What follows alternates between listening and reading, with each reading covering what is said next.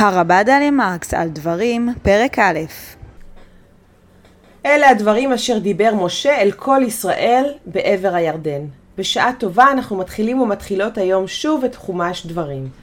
תורת ישראל היא תורה של פירוש ופירוש של פירוש. כל דור ודור מתרגם את התורה בדרכו שלו לפי ירושת הדורות, אבל לצורכי השעה. ומעניין לראות איך התורה עצמה כבר מתרגמת את עצמה. ספר דברים הוא אולי הפירוש הקדום ביותר לתורה. משה רבנו חוזר על מה שנאמר כבר בתורת משה, והפעם בלשונו שלו בגוף ראשון. באופן כללי סיפורו של משה דומה מאוד למה שקראנו בחומשים הקודמים, אבל יש כמה וכמה עניינים שחורגים ממה שקראנו עד כה. וזה ברור, משה מספר את התורה מחדש. הנה שתי דוגמאות מן הפרק שלנו. שליחת המרגלים נמסרה בספר במדבר, פרק י"ג, כיוזמה אלוהית, ואילו בפרק שלנו זהו הרעיון של העם. ותקרבון אליי כולכם ותאמרו, נשלחה אנשים לפנינו ויחפרו לנו את הארץ. גם מטרת המשלחת אינה זהה. בספר במדבר נמסר שהמטרה היא כפולה. ראשית לבחון את טיב הארץ, הטובה היא אם רעה, ומה הארץ השמנה היא אם רזה, יש בה עץ עם עין וכולי. ושנית, להביא מידע בעל אופי צבאי אסטרטגי. וראיתם את הארץ מהי ואת העם היושב עליה, החזק הוא, הרפה, המעט הוא עם רב. ואילו בספר דברים, המטרה היא אסטרטגיה צבאית בלבד. מה הגישה הטובה ביותר לערים לשם התקפתם. הסטייה מן המסורת במדבר מובנת. הרי האל הבטיח את הארץ לעם. מדוע היה, צריך במצור... מדוע היה צורך במשלחת הזאת? מדוע היה מקום להטיל ספק בטובה של הארץ? בדברים, בספר דברים, מוטלת האחריות כולה על העם. העם הוא הספקן, העם הוא קטן האמונה, העם הוא זה שהיה זקוק למרגלים.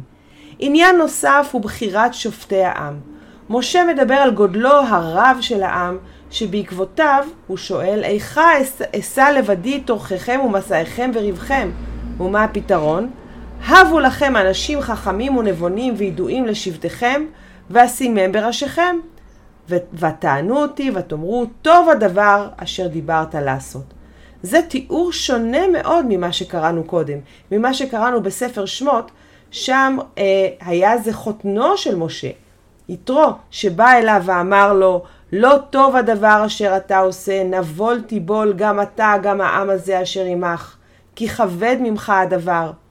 לא תוכל עשהו לבדך, והוא זה שמציע למשה להאציל סמכויות. הוא אומר לו, ואתה תחזה מכל העם אנשי חיל, יראי אלוהים, אנשי אמת, שונאי בצע, ושמת עליהם שרי אלפים, שרי מאות, שרי חמישים ושרי עשרות, ואז הוא ממשיך, ושפטו את העם בכל עת, ורק הדברים הגדולים והרציניים, והיה כל הדבר הגדול, יביאו אליך, וכל הדבר הקטון ישפטו הם, והקל מעליך ונשאו איתך. סיפורו של משה דומה למה שקראנו קודם, אבל לא זהה. הדין וחשבון שהוא נותן על אירועי הנדודים במדבר אינם חזרה מדויקת מילה במילה על מה שכבר נאמר קודם. ההבדלים האלה מלמדים אותנו שאי אפשר באמת לספר את אותו סיפור פעמיים. אי אפשר לחזור על המסופר ממש באותה מילים או באותה מוזיקה של מילים אפילו. כל מספר מוסיף מדעתו, כל מספרת מביאה מרוחה. דור דור ודורשיו, דור דור ורעיוניו. וגם אנחנו, העומדים ועומדות על כתפי הענקים, נשענים ונשענות על מה שהיה, ואין לנו אלא לבנות את הקומה הבאה של המסורת, בצניעות ובענווה, ומי ייתן שנהיה ראויים וראויות לכך.